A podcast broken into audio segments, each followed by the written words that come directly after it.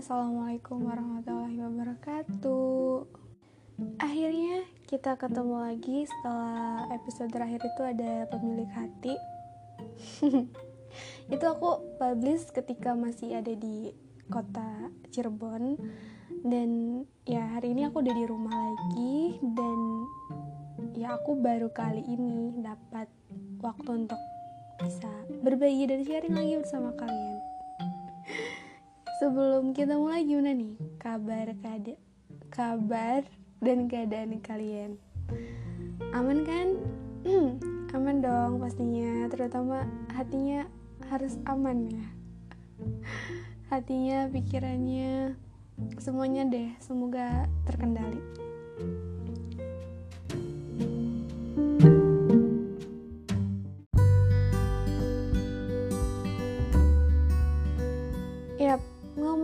soal hati keadaan hati aku sekarang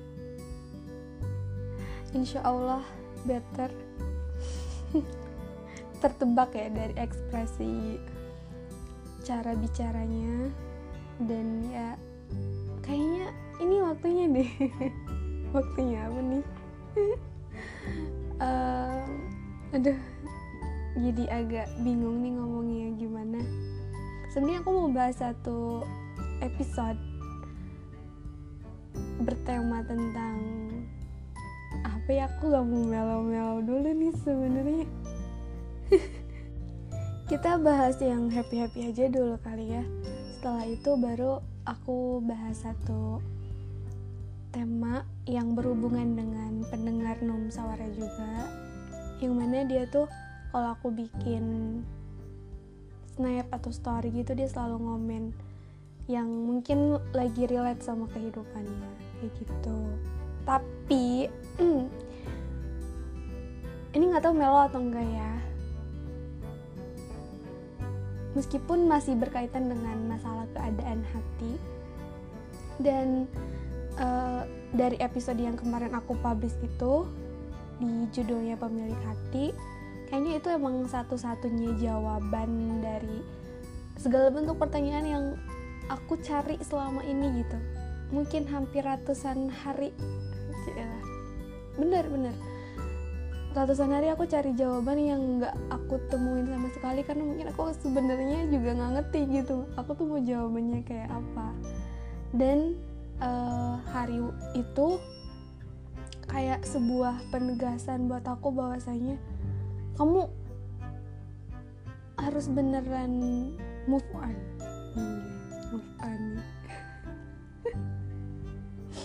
karena uh, Tuhan udah kasih satu rasa sakit yang harusnya udah nggak perlu kamu rasain lagi gitu. Udah udah cukup sampai sini. Ini lebay nggak sih? Cuman emang kenyataannya kayak gitu. Dan waktu itu aku emang lagi masih labil anaknya dan temen aku kasih info yang begitu mengiris perasaan aku. Karena lagi-lagi aku merasa ada di titik yang kok ini gini banget ya rasanya gitu. Uh, gak nyaman banget di perasaan aku. Sampai akhirnya aku meluapkan semua emosi dalam bentuk tangisan ya. Istilahnya kayak keluarin aja gitu. Titik sakitnya gitu dan ternyata titik sakit itu tuh jadi titik sakit terakhir yang aku keluarkan. Karena dari hari itu dari uh, malam itu aku sampai sekarang tuh nggak pernah nangis nangis lagi. Ya maksudnya di permasalahan yang sama yang aku hadapin sebelum sebelumnya bahkan aku pikir sampai hari ini mungkin ada waktu sekitar seminggu kali ya seminggu kurang aku ngerasa bener-bener kayak tenang gitu. Mungkin masih sedikit kepikiran tapi nggak kepikirannya tuh beda. Mungkin kalau sebelum sebelumnya itu uh, bawaannya negatif terus overthinking dan ya hal-hal yang bikin aku nggak nyaman gitu. Tapi kalau sekarang tuh lebih ke ya udah sih gak apa-apa gitu. Udah lupain aja. Kayak aku masih bisa mengendalikan gitu. Aku kalau inget itu kayak stop udah aku mengalihkan ke hal yang lain dan berjalan. Ya dengan semestinya gitu.